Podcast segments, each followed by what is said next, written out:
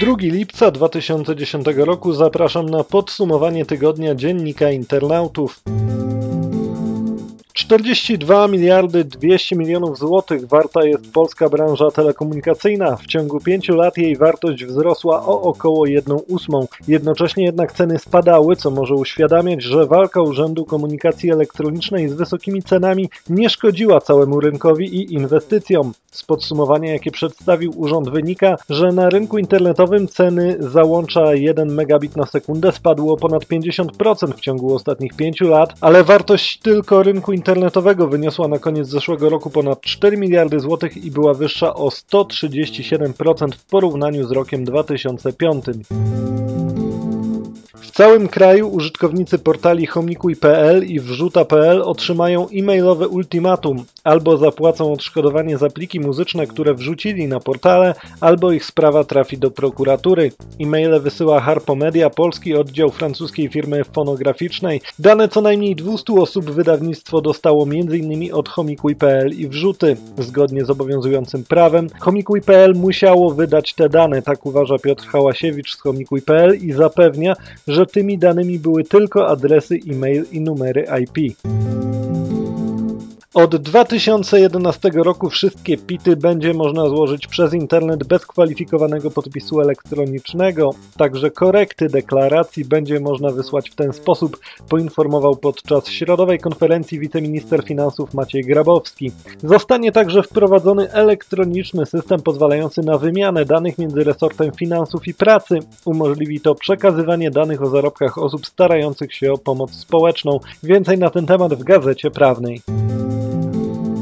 W tym tygodniu ruszyła kolejna runda rozmów w sprawie akta antypirackiego porozumienia międzynarodowego, które od dwóch lat powstaje w tajemnicy przed obywatelami państw będących negocjatorami. W Lucernie, gdzie trwają negocjacje, protestują przedstawiciele organizacji obywatelskich zaniepokojonych pracami nad porozumieniem. Również organizacje branżowe zrzeszające operatorów wystąpiły przeciwko porozumieniu. Obawiają się one, że akta zmusi operatorów do kontrolowania przesyłanych danych w imię ochrony praw autorskich.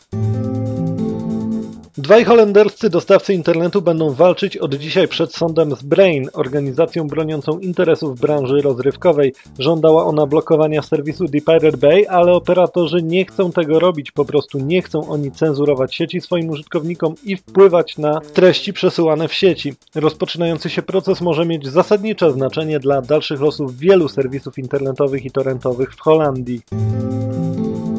Pojawiła się Opera 1060. Ta przeglądarka według niektórych testów jest o ponad 50% szybsza od swojej poprzedniczki. Opera wspiera teraz nowe technologie jak funkcja geolokacji i jako pierwsza oferuje wbudowane odtwarzanie wideo obsługujące format WebM. Są też nowości w interfejsie, m.in. ulepszony przycisk menu i ikony w kartach iPhone 4 może stać się nie tylko najszybciej sprzedającym się gadżetem, ale także gadżetem z największą liczbą pozwów.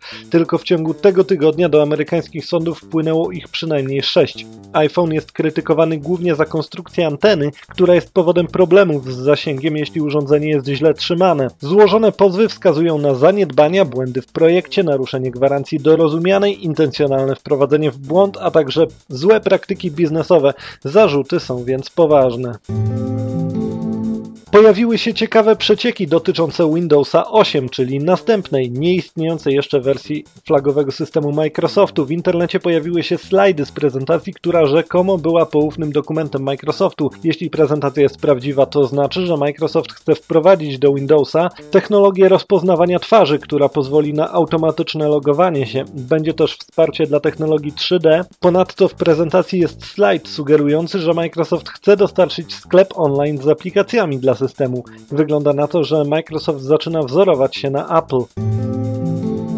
W podsumowaniu to wszystko, ale warto jeszcze zajrzeć do dziennika internautów i poczytać choćby o tym, jakie plany społecznościowe może mieć Google. Czytaj dziennik internautów www.d.com.pl